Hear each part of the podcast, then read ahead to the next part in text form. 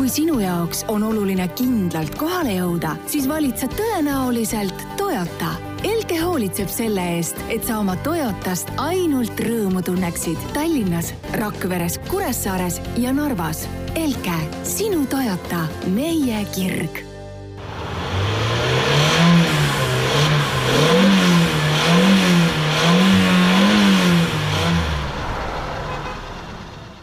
tere, ilusat kolmapäeva, eetris on istmesoojendus ja, ja sel korral esimest korda ka videoformaadis rahva tungival nõudmisel nagu välja tuli. ehk siis ühesõnaga, esimest korda oleme võtnud ja teinud ennast puhtaks ja siledaks, mitte tulnud otse voodist tatt jumala segamini, et nüüd siis peame olema ka uh, enam-vähem okeid siin kaamera ees ja mis siin ikka, pikemat sissejuhatust tegelikult ei olegi vaja, lähme siit otse teemade juurde, esimene teema on siis äh, vana hea kütuse teema ja kõik need e-lisandid.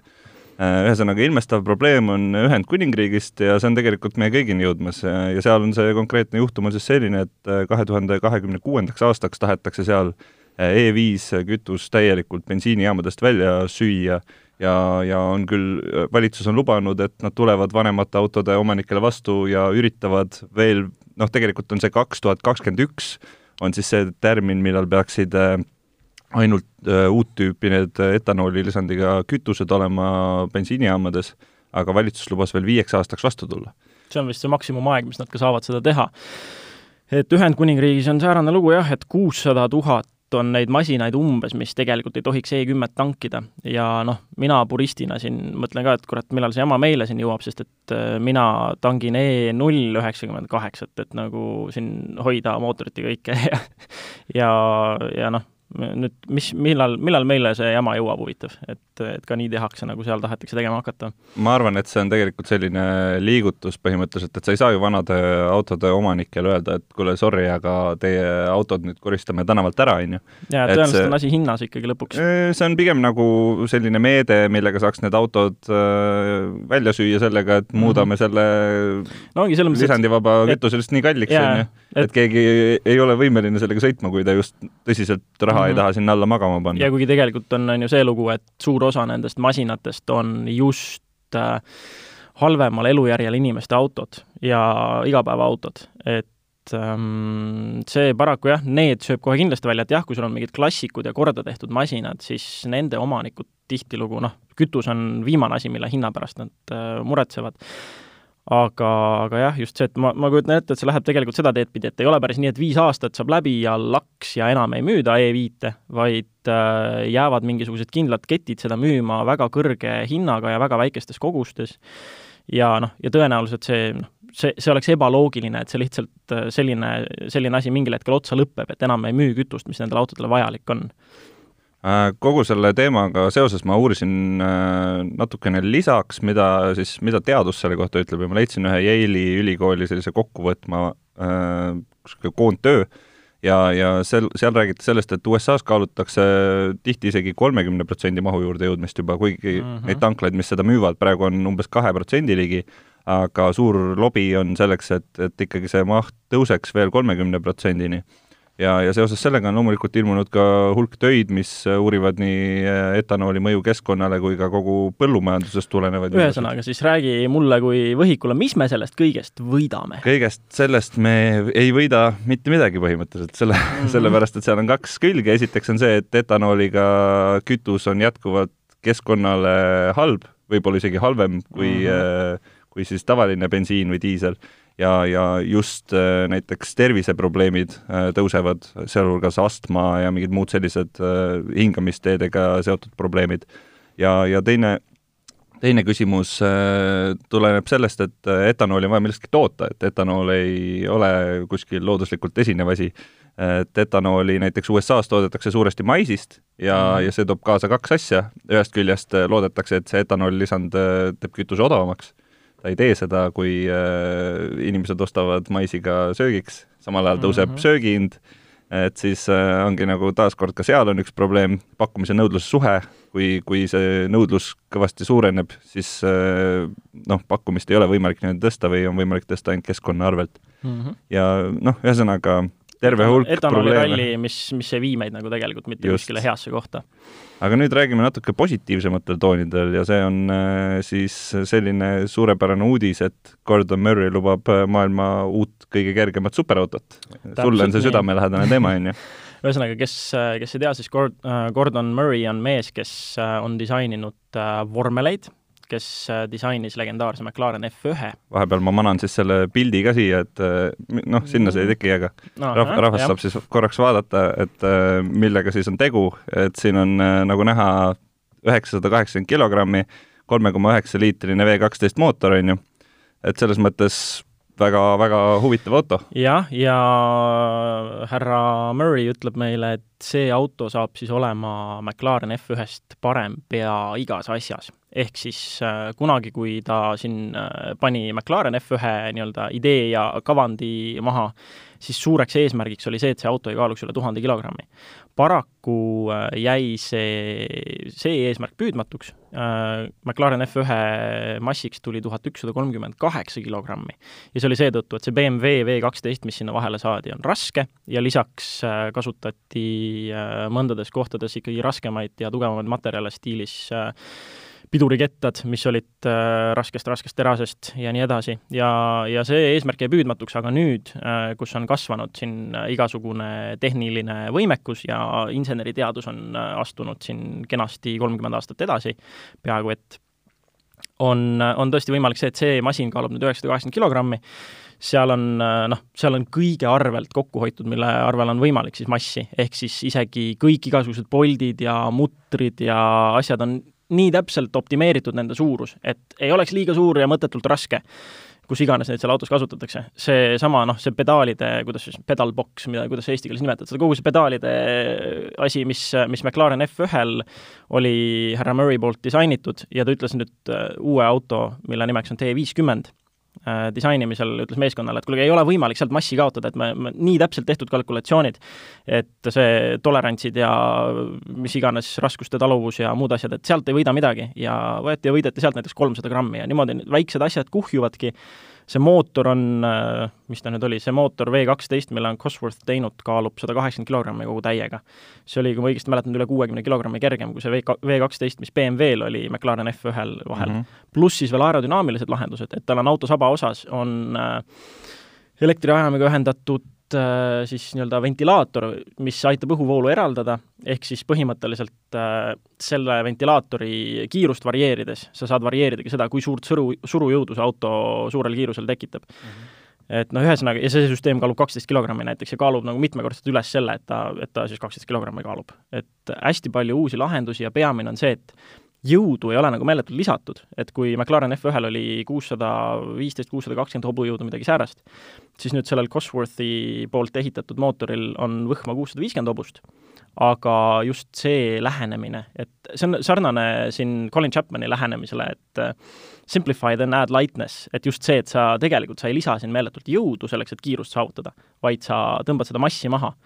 ja ise, olles siin viimasel ajal sõitnud äh, kergemate autodega, siis ma võin öelda, kuidas tõesti noh, igatahes põnevam on sõita kuuekümne kilovatise tuhande kilogrammise autoga kui saja kilovatise tuhande viiesaja kilogrammise autoga. et, et selles mõttes ja nüüd ette kujutada, et see masin kaalub vähem kui Mazda MX-5 või isegi tilluke Toyota Corolla kuumpära või mis kuumpära, luukpära, mis mul hoovi peal on aastast üheksakümmend kaks, on ju. et seda on suhteliselt sür tegelikult ette kujutada ma tahaksin veel paar numbrit hingelt ära saada seoses selle autoga. Äh, esiteks mootori äh, maksimaalsed pöörded. jaa, see jäi mul mainimata mm. -hmm. see on uskumatu number, kaksteist tuhat ükssada. okei see on väga niisugune jah, see on juba niisugune F1 ja superbikeide pärusmaa, et ma, ma ei, ma ei kujuta ette, mis häält see mootor teeb see on ulme ja jah, veel, mis numbrid ja numbrid on veel sellised, et kokku sada eksemplari ja kui seda autot mm -hmm. peaks tahtma osta, siis äh, esialgu tuleb äh, enda pangaarvelt ära kanda väikene seitsesada tuhat eurot, aga see ei tähenda, et auto veel sinu omaks saab, sest et see on kõigest ettemaks. Äh, loomulikult nagu selliste autode puhul tavaline on ja täishinnaks on kaks koma kakskümmend viis miljonit eurot, see on siis nii-öelda hinnalipiku järgne hind, aga praeguseks on nende autode hind juba päris kõva tõusuga teinud, nii et äh, tõenäoliselt seda enam nagu niimoodi osta ei saa. jah, aga siin on, siin on äh, oluline veel silmas pidada seda, et suur osa selle C50 ostjatest, millest noh, kolmveerand on juba ette bronnitud, suur osa nendest ostjatest on äh, superauto ostja mõttes siis noored, alla neljakümne viie aastased et ähm, see tuleneb sellest, et äh, need on need inimesed, kelle üleskasvamise ajal nende magamistoa seinal oli McLaren F1 poster ja kes hullult seda, selle järele ihalesid. ja nüüd neil on see võimekus, McLaren F1-d on tõusnud siin kusagil niimoodi kümne-viieteist miljoni kanti juba hinna poolest, et nüüd on nende võimalus osta see keskse sõiduasendiga ja nagu nii-öelda spirituaalne järeltulija McLaren F1-le ja teha seda põhimõtteliselt seitse korda väiksema hinna eest ja saada selle eest äh, rohkem autot, kui seda väidetavalt siin McLaren F1-s on, sest et, mis meil jäi mainimata, väga tähtis asi, see on üks viimaseid analoogseid superautosid tõenäoliselt, sest ta on, ta tuleb ainult käsikastiga. et jällegi, ta paneb linnukesed kõikidesse nendesse kastikestesse, mis äh, peaks autoentusiaste õigetest kohtadest mudima, et äh, mina igatahes ootan väga seda, et see auto saaks valmis, et saaks näha, kuidas ta, kuidas ta tegutseb ja toimetab ja kuulda seda, kuidas kõlab kaksteist tuhat ükssada pööret V kahteteist see oleks juba iseenesest väärtus omaette, jah. Äh, aga nüüd räägime veel ühest autost, mida tõenäoliselt päris paljud on oodanud äh, ja see on uus neljanda seeria BMW kaheukseline kupee, äh, mida on kaua aega õrritatud, ma üritan teile taas siia manada sellest mõne visuaali, siin on siis auto niisugune üldvisuaal ja, ja ka külgvaade. et kui sa vaatad seda disaini, siis see on ju täiesti tüüpiline, tüüpiline suund ka, kuhu mm -hmm. ju BMW mhm. praegu liigub, et kui me vaatame neid suuri neere, see on midagi väga tavalist, on ju, need neerud mm -hmm. on aja jooksul ainult kasvanud ja, ja tundub, et nagu seda lage kunagi ette ei tulegi yeah. et äh, järjest lähevad, äh, samal ajal äh, hästi õhuline disain just nagu külgede mm -hmm. pealt, on ju, et klaasidel ei ole seal ju mitte midagi ümber põhimõtteliselt ja nii edasi ja vaatame siis ka üle, mis sinna sisse oodata on, et äh, kui ma esialgu äh, ma ütleks, et äh, rikkaid jobusid, kes peavad õppima suunatulesid kasutama. no seda, seda võib ka olla vabalt ja, kindlasti pärast, ütleme, kümneaastast perioodi on neid rikkaid jobusid või noh, mitte siis rikkaid jobusid, aga jobusid seal rooli taga kindlasti veel rohkem äh,. millest me räägime, siis kolm bensiinimootorit, üks diisel, mis praeguse hetkega välja tulevad siis äh, oktoobrikuust äh, ja, ja sinna juurde tuleb veel äh, terve hulk ajameid hiljem. aga praegu räägime me kahest kaheliitrisest, äh, siis saja kolmekümne nelja kilovatisest, saja kaheksakümne üheksa kilovatisest, üks mahehübriiddiisel, sada kolmkümmend üheksa kilovatti, ja siis äh, selle konkreetse seeria praegune tippmootor, mis on siis kolmene, kolmeliitrine kuuesilindrine, kakssada seitsekümmend viis kilovatti, mis peaks olema M nelisada nelikümmend i X-Drive'i peal et see on ilmselt enne seda, kui M4 välja tuleb, on mm, -hmm. on siis praegu see seeria kõige võimsam mootor. huvitav asi äh, on veel see, et see on äh, esmakordselt, kui tuleb välja selline asi nagu M-Sport Pro pakett, mis toob kaasa mm -hmm. sportkasti siis selle kõigi palavalt armastatud dünaamilise mootori heli ja kas seda välja lülitada saab ja selle kohta kindlasti ma, ma sügavalt kahtlen selles, nagu ikka M-Sport pidurid ja, ja loomulikult ka üldise disainipaketi, on ju. et äh, selles mõttes väga huvitav äh, seeria autosid ja mm., ja saame ilmselt nende kohta tulevikus veel kuulda. oota, aga selle dünaamilise mootori helel, kas sa mõtled seda ikkagi, mis, mis toob nagu ja, ja just see, see, ja mm -hmm. seesama, seesama, mida sa tahad. siis ma küsisin õigesti, et kas seda saab välja lülitada. mida kõik tahavad äh,. Aga nüüd lähmegi siis pikema jututa siit äh, meie seekordse proovisõiduauto juurde, mida saab siit tagant ekraanilt juba kenasti uudistada see on siis äh, Alfa Romeo Stelvio Quadrifoglio. Ja, ja võib-olla teed väikse sissejuhatuse sellesse, mida, mis üks Quadrifoglio üldse peaks olema, ma kujutan ette, et enamik inimesi näeb, näeb seda Quadrifogliot ja näeb tavalist Stelviot. Ja, ja ei tee väga vahet. ei tee mingit vahet, on ju. eks tal tegelikult ongi see, et ta, tal mingeid suuri, suuri väliseid erinevusi tavavaataja silmale ega ei pruugigi paista, et aga mida tasub meeles hoida, on see, et kui te näete Alfa Romeot, mille peal on äh, väike valge embleem rohelise neljalehise ristikheinaga, siis see on natuke kangem kraam kui need tavalised alfad, mida te näete. et sama on ka sellega, et äh, see on äh, viiesaja kümne hobujõulise mootoriga, V6 topeltturbo ja nelikvedu ja noh, siin kahetonnise massi juures kusagil sinnakanti on kiirendus nullist sajani kolme koma kaheksa, nelja sekundi vahele erinevate andmete järgi. me ise täpselt ei mõõtnud. tal on väga mõnusate labadega automaatkast, saja viiekümne millisekundised vahetused, aga noh, need on kõik nagu selles mõttes need numbrid, et tegelikult sellest autost rääkides ongi see, et et mis tunde ta tekitab, on see kõige põhilisem asi. et ähm, kui ma olen siin kirunud moodsaid autosid ja iseloomu kadumist ja sellist äh, ühtlaseks mudruks muutumist, et sa sõidad mitte isegi enam ühe kontserni autodega, vaid äh, üleüldse mis iganes sama klassi autodega ja tunne on niisugune laias laastus sama siis see on äh, nüüd minu jaoks esimene niisugune täiesti igatepidi silmapaistev linnamaastur, kiire linnamaastur selles mõttes. et tal on seda isikupära, tal on seda iseloomu, tal on seda karakterit, mida ma otsiks, et kui kui ma veel, ma ei tea, kas see oli siin eelmise aasta lõpus või millalgi ma käisin äh, nüüd tava Stelvio ja tava Giulia mudeli värskenduse esitlusel Itaalias, kui see üritus mind veel täiesti alfistaks ei muutnud, siis see Stelvio Quadrifoglio saab maru lähedale tegelikult. et ma saan äh, selle auto juures sellest alfa, alfa võlust täitsa aru. ma olen äh, sinuga täiesti nõus, et neid äh, iseloomutuid selliseid sportlikke linnamaastureid, neid on viimasel ajal tulnud palju, meil on need siit ka saatest läbi käinud. ja meil oli T-Rock R, on ju, mille video paraku ikka veel viibib, sellepärast et muud tööd on niimoodi selga lennanud, tähtajad muudkui kukuvad. ja siis noh, sellest tuleb ka arvustusvideo, äh, millega samamoodi, nagu ikka, on väiksed sünnitusvalud, ehk siis äh, seekord ei ole isegi mitte tähtajad asjas süüdi, vaid äh, tõenäoliselt me peame mingisugused sektsioonid lihtsalt sellest videost uuesti salvestama, et meil äh, on üks tilluke mikro SD-kaart kusagile jooksu pannud ja enam polegi välja tulnud. kui keegi leiab, siis seal on palju head materjali. jah, jah, jah, palun tuua see meile siis kuskile või jätta mis iganes Ekspress Meedia postkasti või kuskile. ühesõnaga, tulles tagasi, tulles tagasi teema juurde, eh, siis äh, Stelvio Quadrifoglio on tegelikult ju niisugune tüüpiline itaallane oma mhm. iseloomult mm, -hmm. et ta, tas on kiiksu, tas on palju sellist tervitatavat, aga tal on ka mingid omad kummalised äh, asjad, millega sa pead ka leppima mm -hmm. ühest küljest tal on see suurepärane hääl, mida, mis meile mõlemale meeldis, on ju. jaa, vot see on jälle see, et V6-d üldjuhul on äh, nad on kas ühest äärmusest või teisest äärmusest, seal ei ole seda, et sul on enam-vähem okeilt kõlav V6, minu jaoks V6 on niisugune ilma karakterita mootor mingil põhjusel. väga palju on niisuguseid V6-i, mis lihtsalt noh, nad ei kõlagi millegi moodi, nad on lihtsalt niisugune jälle niisugune ühtlane mudru, neil ei ole mingit karakterit ja siis, kui, kui neile ka mingisugune järeltootja väljalase peale panna, siis on kaks varianti, ta kas kõlab väga, väga hästi või ta kõlab nagu täiesti kohutav märk. mis see oli, kolme tuhande viiesaja eurone Akrapovitš äkki või?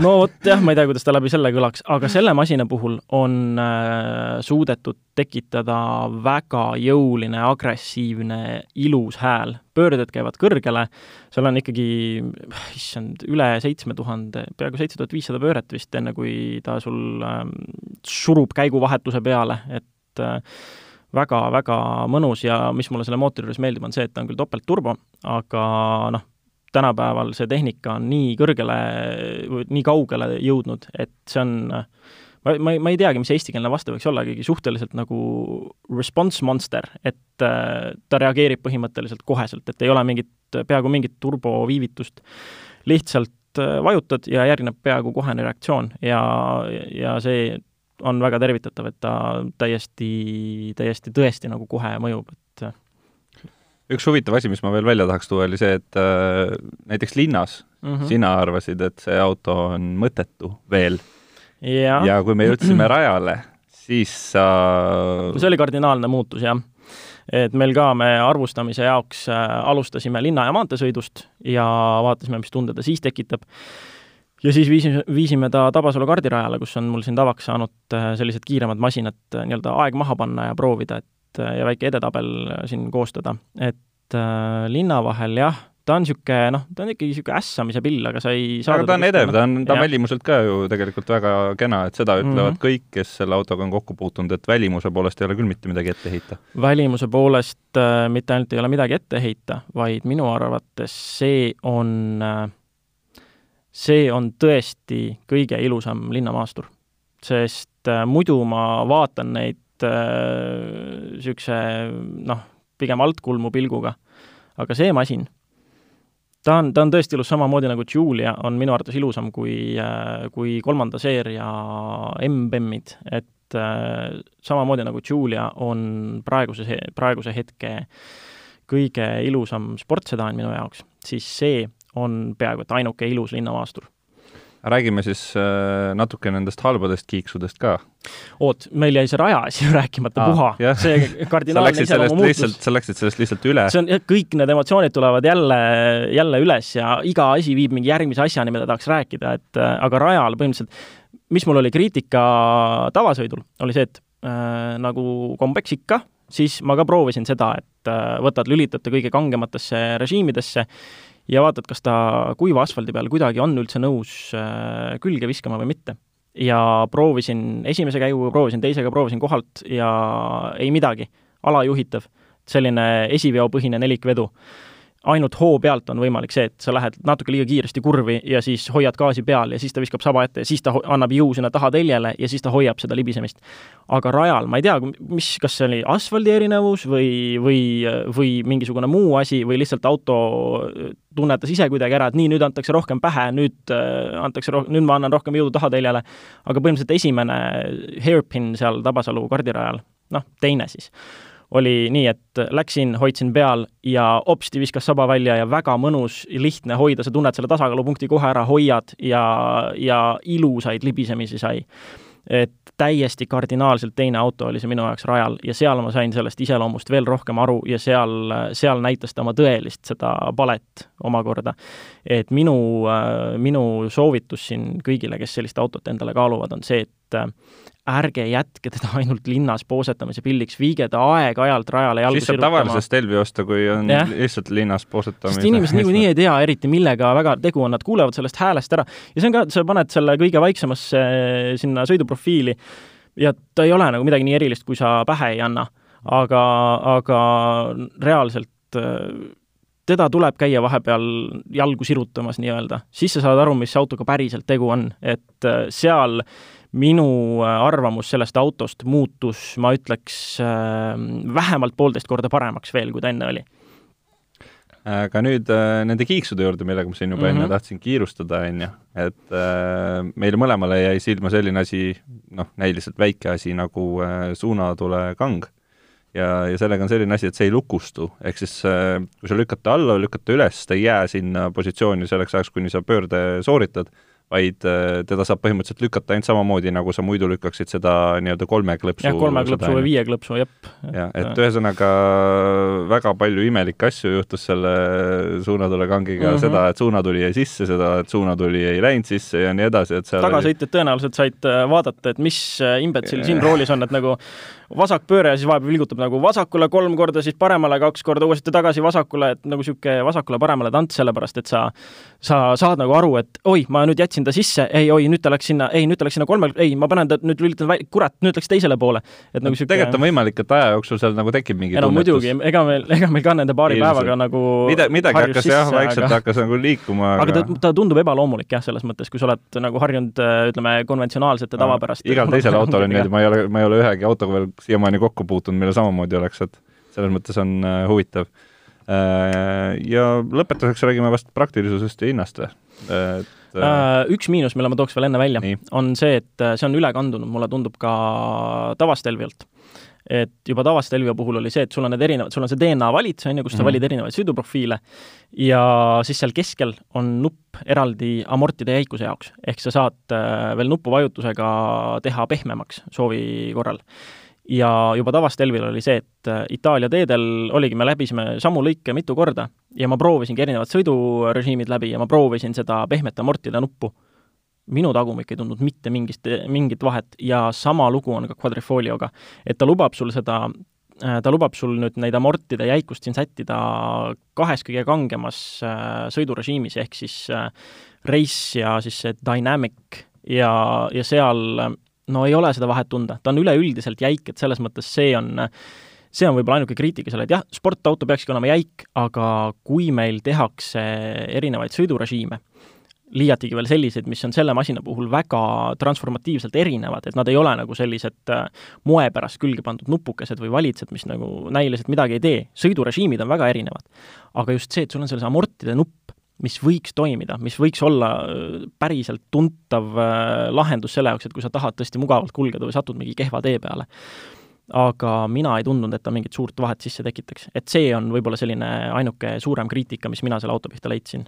ja see on tegelikult ka praktilisuse poole pealt põhimõtteliselt ainukene selline piirav tegur, et nii ruumi mm, -hmm. ütleme, selle kogu kütusekulu, mis iganes laste mahutatavuse seal ei ole neid mhm. probleeme mm. -hmm jah, kütusekulu, noh, see on, see on kõrge, tõesti, me leidsime ennast äh, ühe võttepäeva jooksul ka vist kolm korda tankimast, aga see oli äh, noh, see oli, see oli meie enda, see oli meie enda süü ka. jah, ja viissada kümme hobust, ega nad võtavad, joovadki palju, sinna ei ole midagi, äh, midagi teha, et äh, rajal oli see kütusekulu äh, noh, üle, kindlasti üle kolmekümne ja see on normaalne, mul STI võtab rajal, kui ma vajutan, siis on poole tunniga pool paaki, on ju. Mhm. Et see on täiesti normaalne ja linnasõidul jah, oli, ma arvan, et meie keskmine mingisugune viieteist, kahekümne vahele, aga siin äh, kolleeg Uku sai muidugi ka allapoole kätte, et jällegi, see on kõik täiesti saavutatav, kui sa tahad mm, -hmm. et meie puhul lihtsalt see reiss ja siis läheb, on ju, et äh, noh, eks see on meie süü ka, et me natukene teda tilgatumaks tirisime. absoluutselt. Äh, ja hind on tegelikult sellise auto kohta väga mõistlik, et äh, me räägime siin äh, alla saja tuhande jäävast hinnalipikust mm, -hmm. see on mhm. okei okay hind.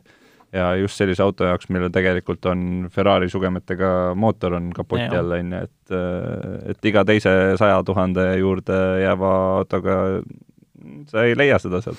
jah, ja sellega on ka see, et selle masina hinda tõesti on selle varustuse järgi tõesti tema hind oleks kusagil sada tuhat, see konkreetne auto, millega me sõitsime, ja ta on müügis praegu seitsmekümne kuuega vist või mm. -hmm. et äh, siin jälle kehtib see loogika, mis ma olen proovisõidu ja tema autodega enda jaoks äh, äh enda jaoks nii-öelda kirjutamata reegliks sättinud, et äh, kui sa peaksid kunagi ostma mingit tema autot, siis vaata, et äh, see allahindlus, mis sa saad, oleks põhimõtteliselt nagu täiskompott uue mootori hinnajagu mm. -hmm. et kuna nad saavad kogu aeg kuuma ja noh, see müügimees, kes mulle auto kätte andis, on ju, pani ka külmalt äh, kohe pähe ja näitas need sõiduprofiilid ära, et need kui, äh, kuna sellel masinal on tõesti see ale on nii, nii palju ja see, ma kujutan ette, et äh, korralik mootorikapremont jääb sinnakanti, noh, Ferrari sugemetega mootor ikkagi, et siis tundub, et see on mõistlik allahindlus, mis talle tehtud on, et äh, selle koha pealt minu, minu selles nii-öelda reeglile see allahindlus vastab.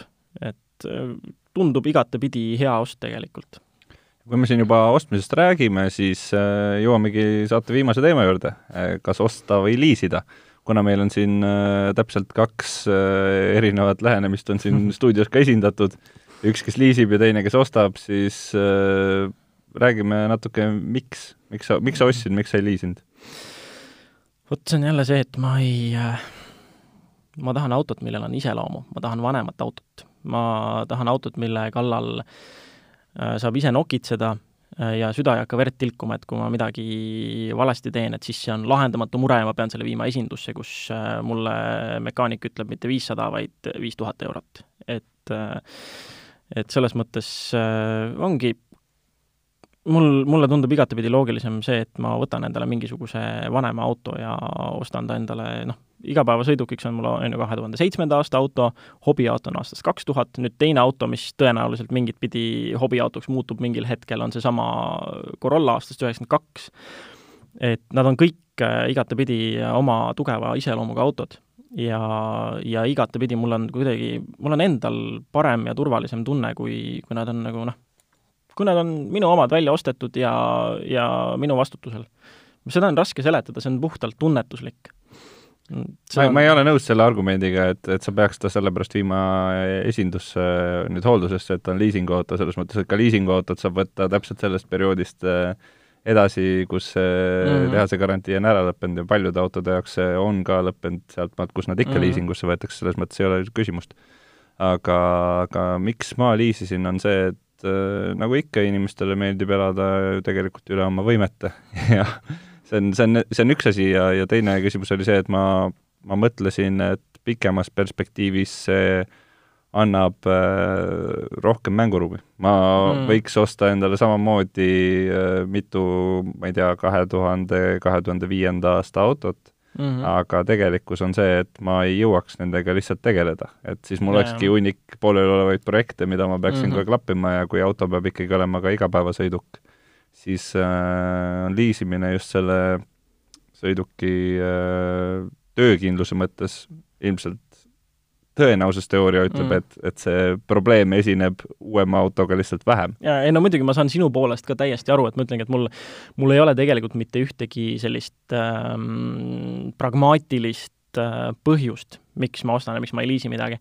lihtsalt peale, peale selle, et ongi, et ma kui ma tahan mingisugust vanemat masinat ja mul käib jõud üle, et ta välja osta, siis, siis ma teen seda. et äh, kui ma tahaksin siin sõita tõesti uuemate masinatega, millel kehtib garantii ja siis vahetada seda siis, kui garantii läbi saab, noh, siis ongi liisimine on see ainuke võimalus, kuidas no see on veel kolm, see on kolmas ja. lähenemine, ma ei, ma ei mõtle nagu selle lähenemise peale, ma pigem mõtlesin seda, et et kui see kapital on juba mm -hmm. käes, siis see mm -hmm konkreetne auto on ka selline, et ta hind nagu mingisuguseid uh, hulle langusi enam mm -hmm. läbi ei tee pärast seda, kui, kui see liisinguperiood läbi saab.